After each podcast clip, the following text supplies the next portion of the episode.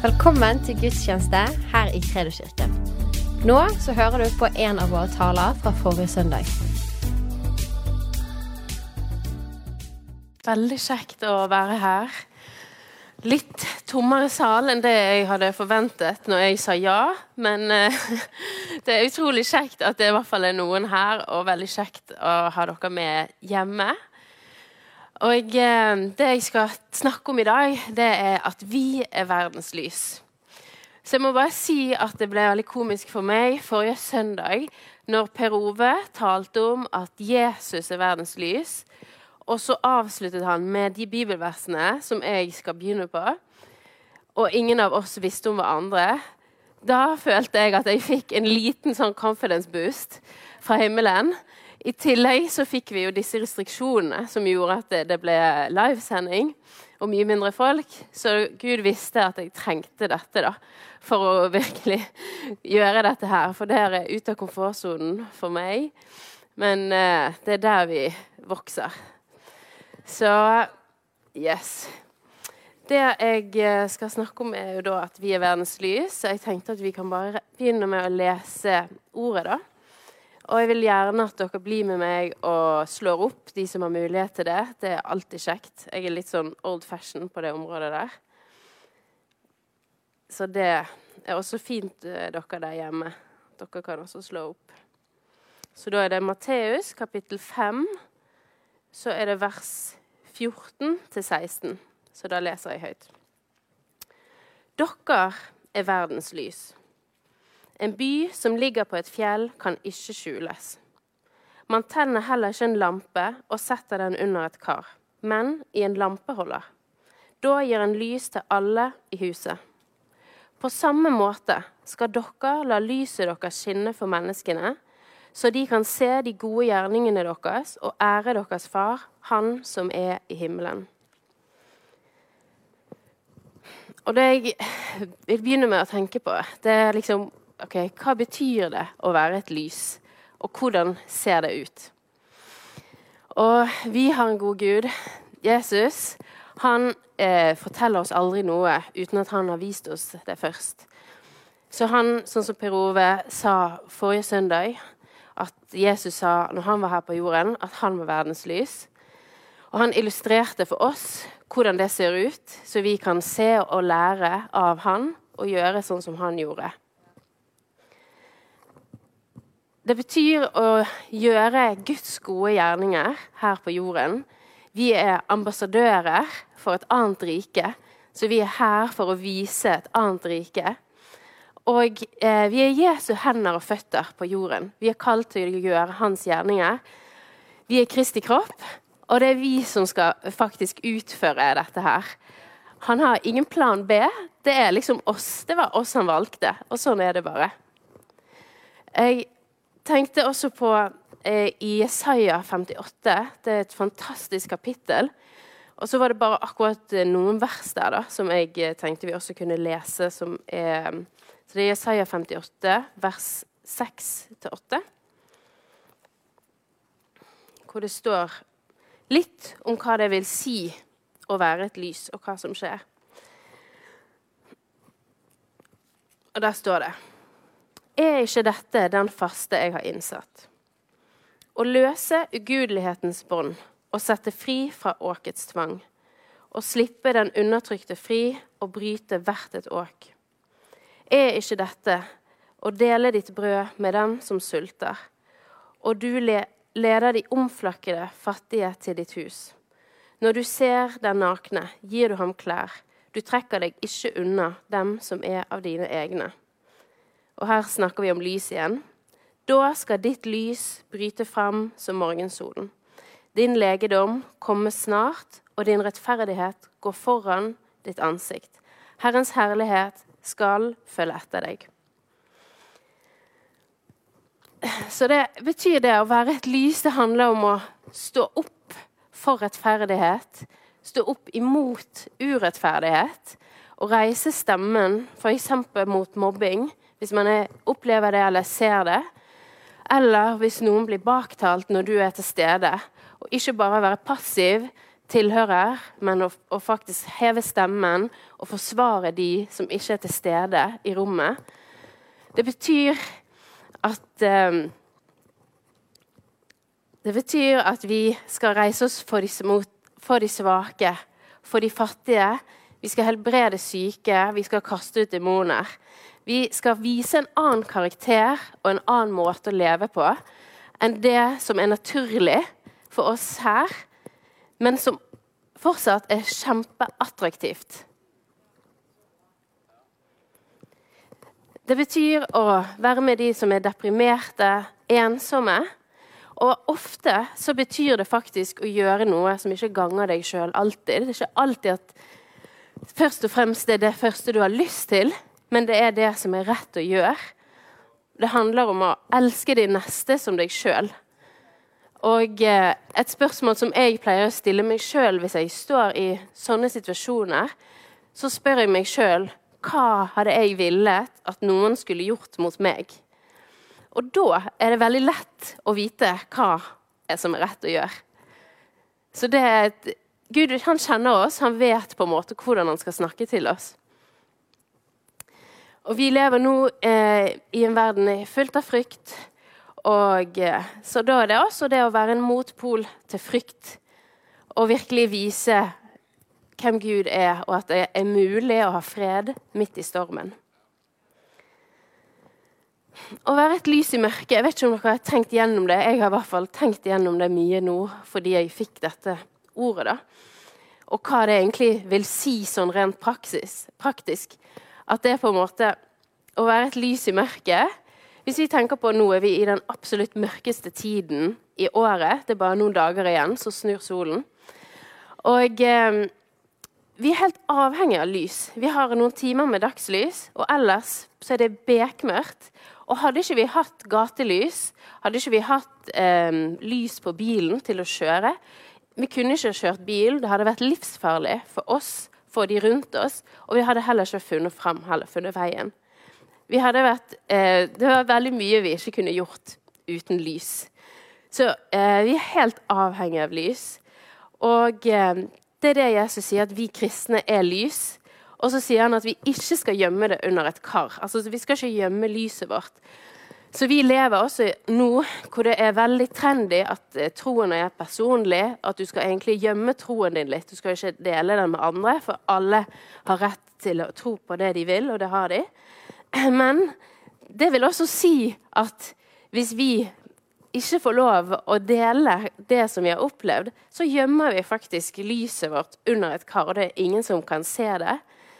Og hvis vi tenker praktisk, hadde ikke vi hatt gatelys, så hadde ikke folk sett hvor de skulle gått. Vi trenger lys til å se veien. Og det er vi kristne som er kalt, som Jesus sier, til å være disse lysene. Og da kan vi faktisk ikke gjemme lyset vårt. Vi er nødt å la det skinne. Og det betyr ikke at vi må argumentere og krangle om ting. Men som jeg allerede sa, det handler faktisk om gode gjerninger og god karakter. Og bare en helt annen måte å leve på, som vil faktisk gi lys til folket. da.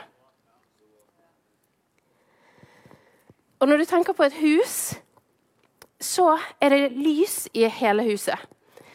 Eh, I en stue er det ikke nok med ett lys. Du må ha flere lys, for du må ha god belysning. Og så holder ikke det bare å ha lys i stuen, du må ha lys på badet og på soverommet. På samme måte så er vi kristne plassert rundt der vi er, for å være lys. Så om det er noe på jobben, eller på skolen, eller i vennegjengen, i slekten, i familien, i nabolaget, på lokalbutikken. Uansett så er faktisk vi kristne kalt til å lyse der vi er. Og på den måten så vil det bli god belysning i hele huset. Og eh, så er det òg sånn at hvis alt lyset gjemmer seg i en bygning, sånn som her Hvis vi, har, vi gjemmer alt lyset i én bygning, så blir det mørkt ellers i huset. Altså utenfor huset. Og det er litt sånn med oss kristne òg, at vi skal være her vi er, selvfølgelig, men så skal vi ut i eh, der vi er, og lyse. Så hvis vi bare lyser i et hus, så er det ingen andre som får se lyset. Så jeg har en liten illustrasjon til dere bare for å poengtere det i enda større grad. Så da kan vi bare slokke lyset. Så skal dere få se et mørke som vi kjenner til nå for tiden. Så nå er det mørkt. Dette her er det som Jesus sier. Her, sånn er det. Uten kristne så er det mørkt. Så har vi en kristen. Og det er lett å se. Når det er mørkt, så er det veldig lett å se et lys. Det er ingen problem. Så ett lys kan gjøre en enorm forskjell. Og så skrur vi på lyset igjen. Så vil jeg bare òg at dere skal se hvor lite effekt lyset har nå.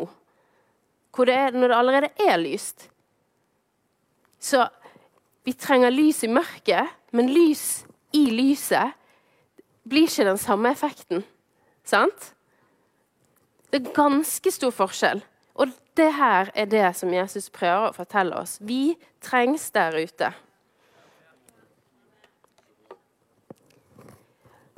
Og for meg så handler dette òg om å være ekte, faktisk. At jeg er den samme når jeg er her med dere i, med, med, de kristne i kirken. At jeg er den samme når jeg er med familien min, og når jeg er hjemme. Og når jeg er på jobben og med venner og med familie og slekt. At det ikke, at jeg, at det er sånn at jeg, jeg, er flere personer. Og det er noen ganger man må jobbe litt med, fordi det er tøffere. For å si Det sånn, det er lettere å snakke om Gud og prise Gud når du er med alle som tror. Sant? Men det betyr ikke at vi ikke skal gjøre det med de som ikke tror. Hvordan ellers skal de høre? Men man må jobbe med seg sjøl. Det er det jeg gjør hele tiden. Jeg utfordrer meg sjøl, og så kan jeg sammenligne meg og tenke ja, Nei, hvorfor, hvorfor, sier ikke jeg det nå? Eller hvis noen kommer med et problem til meg, og de er ikke kristen, så er det helt naturlig for meg å si OK, men vet du hva, vi må be, må be, vi må be om dette her. Det er, liksom, det er det eneste jeg kan gi ofte i disse situasjonene. Det er jo det beste vi kan gi. Det er liksom OK, vi går til Gud med det sammen. Men hvis jeg da velger Nei, men uff, nei, de, de, skjønner ikke det her. Jeg kan ikke. Sant? Da har heller ikke de sjansen til å oppleve et bønnesvar. Sant? Men når jeg har gjort, jeg har gjort det fordi jeg, jeg, velger å være ekte. Fordi jeg hadde gjort det hvis Lars hadde kommet til meg med, med en utfordring. Da er min første reaksjon det er, OK, vi må be. Sant? Og da må jo jeg gjøre det med andre òg, for det er jo det er min hjelper. Også det som er så kult, det er at da opplever du faktisk bønnesvar med folk som ikke tror. De kan ikke benekte det. For de var jo der, og jeg sa vi, vi ber sammen om det. Og så spør jeg ja, hvordan gikk det med det der, da. Nei, det ordnet seg, eller han ble frisk, og sånn og sånn. Ja, ja. Vi blir hørt, da. Du skjønner det, sant? Så blir det et lite sånn såkorn. Det er ikke sånn at de gir seg over med en gang. Men de har en opplevelse med Gud, og der sant? Og Gud vil at det er vi som skal være hans hender og føtter og hans røst her. Vi trenger folk for at folk skal bli frelst. Sånn er det bare. Det er alltid, I alle eh, troshistorier så er det noen folk med. Om det ikke var akkurat eh, når de møtte Jesus han, Det er så mange historier han kan møte deg i en drøm osv. Men på en eller annen, et eller annet tidspunkt på den reisen så var det mennesker. Ble de koblet på andre kristne så de kunne gå sammen med og lære av i et fellesskap. Og I min egen troshistorie så hadde jeg akkurat det samme. Jeg hadde blant annet, jeg begynte i ny jobb. Da var jeg ikke frelst her i Bergen. Og hadde en kollega som var kristen, er kristen. Og hun eh, var veldig åpen om troen sin.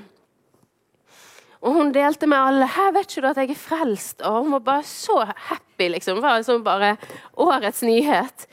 Og hun delte med alle liksom 'Ja, ja, jeg måtte be om det.' Og så fikk jeg så 'Å, Gud hørte meg.' Å, det var så flott, liksom. Og hun var bare så glad og oppmuntrende. Og jeg kunne virkelig bare se at hun hadde noe som ingen andre hadde der. Det var et lys der. Og jeg tenkte, uten at hun ante noe om hva jeg tenkte, så så jeg, betraktet jeg henne på avstand og tenkte hvis det er sånn det å være kristen, så kan jeg bli det. tenkte jeg. For det var et sterkt vitnesbyrd for meg hvordan hun levde livet sitt. Og eh, nå jo, ble jo jeg frelst eh, ikke så lenge etter det, og meg og hun er kjempegode venner og søstre. Og jeg eh, ja, virkelig så var jeg så takknemlig for sånne folk. Og sammen med min mamma Tanja, når hun fikk sin åndelige fornyelse, eller det som skjedde med hun for noen år siden, så betraktet jeg henne òg fra avstand og lurte på hva skjer nå. Skal hun bli liksom sånn og sånn? Og hadde mye tanker om dette. Men på, over tid så, så jeg at hun ble egentlig bare en bedre person. At hun ble mye gladere. At uh, ja, var, Jeg kunne se at hun hadde det bedre, og hun ble en bedre mor for meg. da. Og uh, ja, Det er mange historier. Min søster òg, når hun ble frelst. Hun hadde så mye vitnesbyrd om hva Gud gjorde, og hvordan han la til rette på veien. Jeg ble bare nysgjerrig, og jeg ble litt sjalu. Altså, man blir det. Man, eh, alle lurer på dette. Er det sant? Så Derfor er det kjempeviktig å dele det man opplever med Gud, og ting som skjer, og være naturlig. For du vet ikke hvem som hører, og hvor de er på sin reise.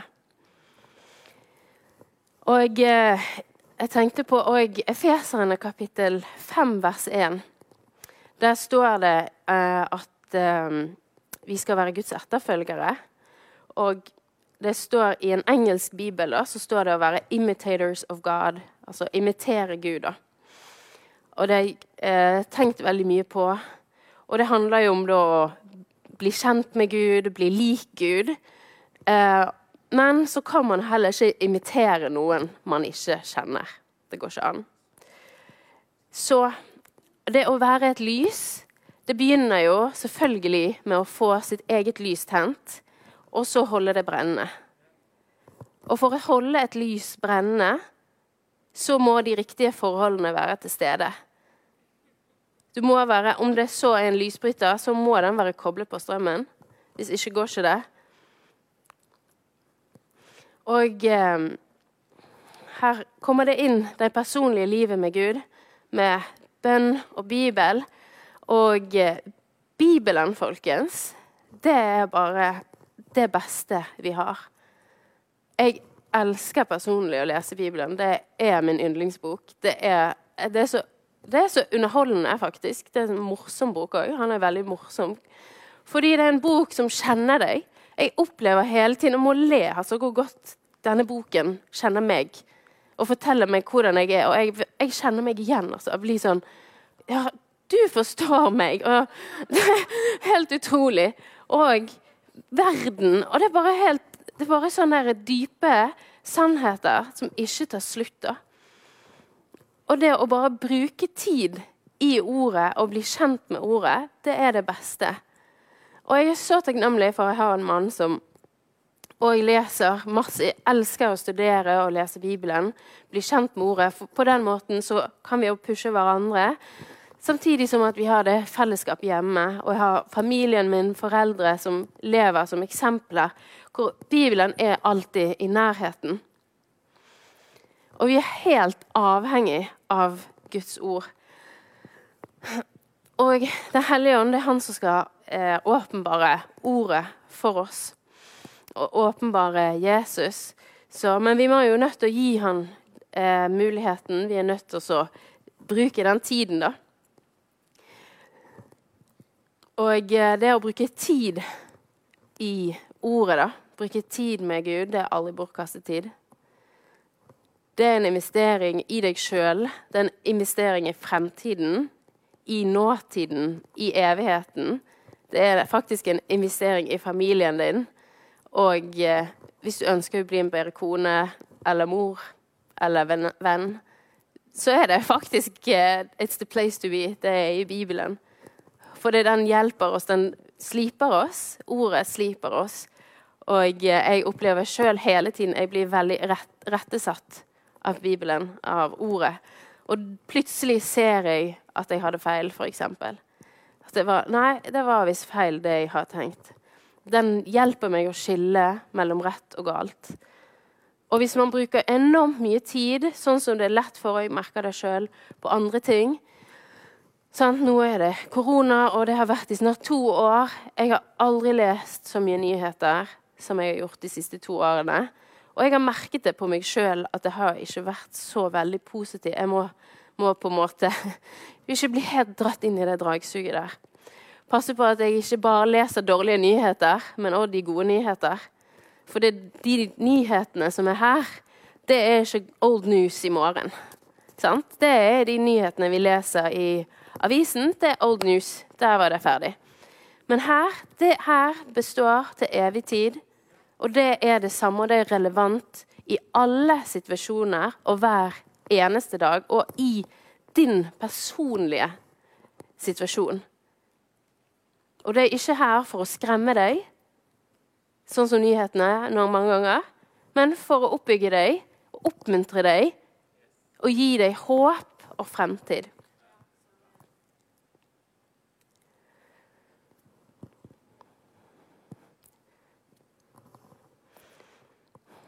Så det å bruke tid i Guds ord, det er den beste julegaven du kan gi til deg sjøl og til familien. Og jeg tenker nå som vi har fått en del nedstenginger og mye av, avlysninger og ting som Kanskje ting vil se litt annerledes ut de neste ukene enn det vi hadde sett for oss. Istedenfor å på en måte bli deppa over det, da, så se på det som en mulighet. Ok, Da skal jeg eh, virkelig bruke mer tid i Bibelen, i min personlige tid med Gud. For det er det ingen som kan sette restriksjoner på.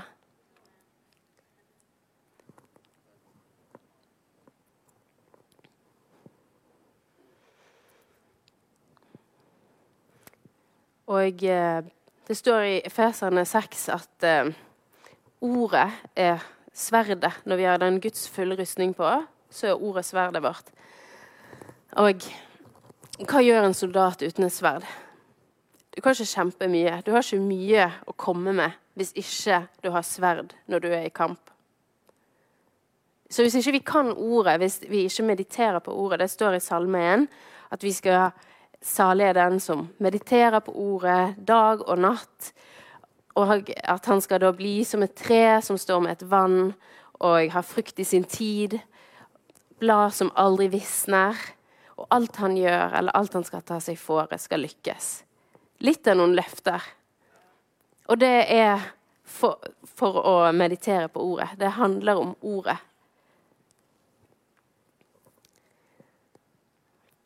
Jeg eh, skal avslutte med et bilde fra en uh, bok som jeg er veldig fan av. da, Så er det en julegavetips òg, siden bokshoppen er åpen. Det er denne her, uh, 'Bibelens mysterier'. Den er en fantastisk andagsbok hvis man er glad i litt dybde og ja. Så der står det, leser jeg et bilde der om to innsjøer da, som vi kjenner godt til. Genesaretsjøen og Dødehavet hvor det går Jordan, elven går, går ut i Genesaretsjøen, går videre fra Genesaretsjøen og ut i Dødehavet. Så de har samme kilde, men disse to innsjøene er helt forskjellige. Genesaretsjøen er full av liv, det er ferskt vann og levende organismer. Mens Dødehavet, der er det dødt, ikke noe liv i det hele tatt. I Genesaretsjøen der er det sånn at den fordi det er gjennomstrømming, så den gir det den har. Mens Dødehavet den bare tar imot, men gir aldri fra seg. Så dette her blir igjen et bilde som altså Det representerer en person som tar imot, og så gir videre, og et liv som alltid velsigner andre. Mens Dødehavet blir da et bilde på et liv som bare tar imot, men aldri gir videre. Og vi har alle noe å gi. Det er ikke sånn at vi må ha mer og mer for å gi. Har du tatt imot Jesus, så har du allerede et vitnesbyrd. Du har allerede en historie å dele. Og det er ikke sånn at det skal ikke så mye mer til enn det. Sant? Vi leser om disse historiene med han gutten som hadde eh, to fisker og fem brød. Ja, det var ikke mye, men han kunne nå fø mange tusen. Sant? Så på samme måte så er ikke det sånn at Jesus krever at vi skal ha tre bachelor i teologi og ha masse erfaring. Det er absolutt ikke. Det er den enkle historien, eller den enkle bønnen. Bare frimodig dele sånn som vi egentlig lever. Og velge å bare tråkke ut. Ikke skjule lyset, men å sette lyset der det skal være. Et lys skal være i en lampe. Det skal ikke gjemmes under et kar. Hva er poenget med lyset? Det mister hele sin effekt. Så velge å sette lyset i en lampe, la det lyse, være ærlig og ekte, bare være seg sjøl, så skal du se at Gud, han bruker det.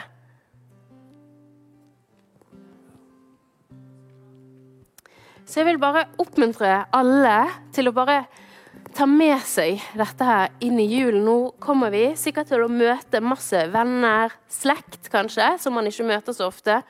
Kanskje det er ting som er uoppgjort, eller man har et eller annet der. Men velg å være et lys, sant? Nei, nå tar jeg et nytt standpunkt i disse situasjonene som har vært tøffe. Jeg ønsker å være et lys. Vi har litt igjen av dette året, og så begynner vi i 2022, som blir et helt fantastisk år.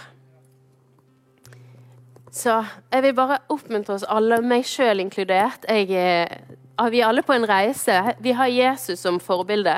Det er han vi sammenligner oss med. Så når vi er der, så, er det, så vet vi alle at vi har mye å jobbe med. Og det, det, sånn er det. Det er bra, det. Han er perfekt. Så at vi bare sammen som kirke bestemmer oss for å lyse der vi er. Være et lys der vi er. Så da ber jeg en kjapp bønn. Bare takker deg, Jesus, for at du viste oss det først. Hvordan vi skal være et lys i verden. Hvordan vi skal vise deg og representere deg, Herre.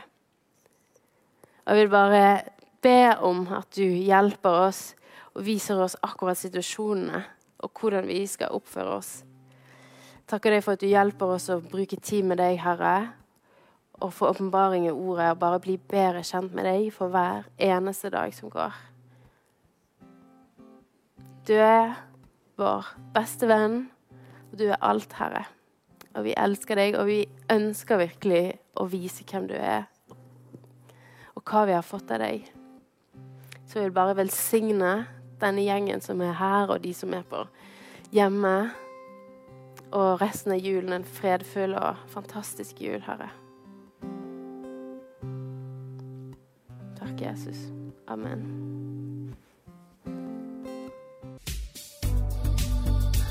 Tusen takk for at du lyttet. Følg oss gjerne på Instagram og Facebook, og så snakkes vi neste uke.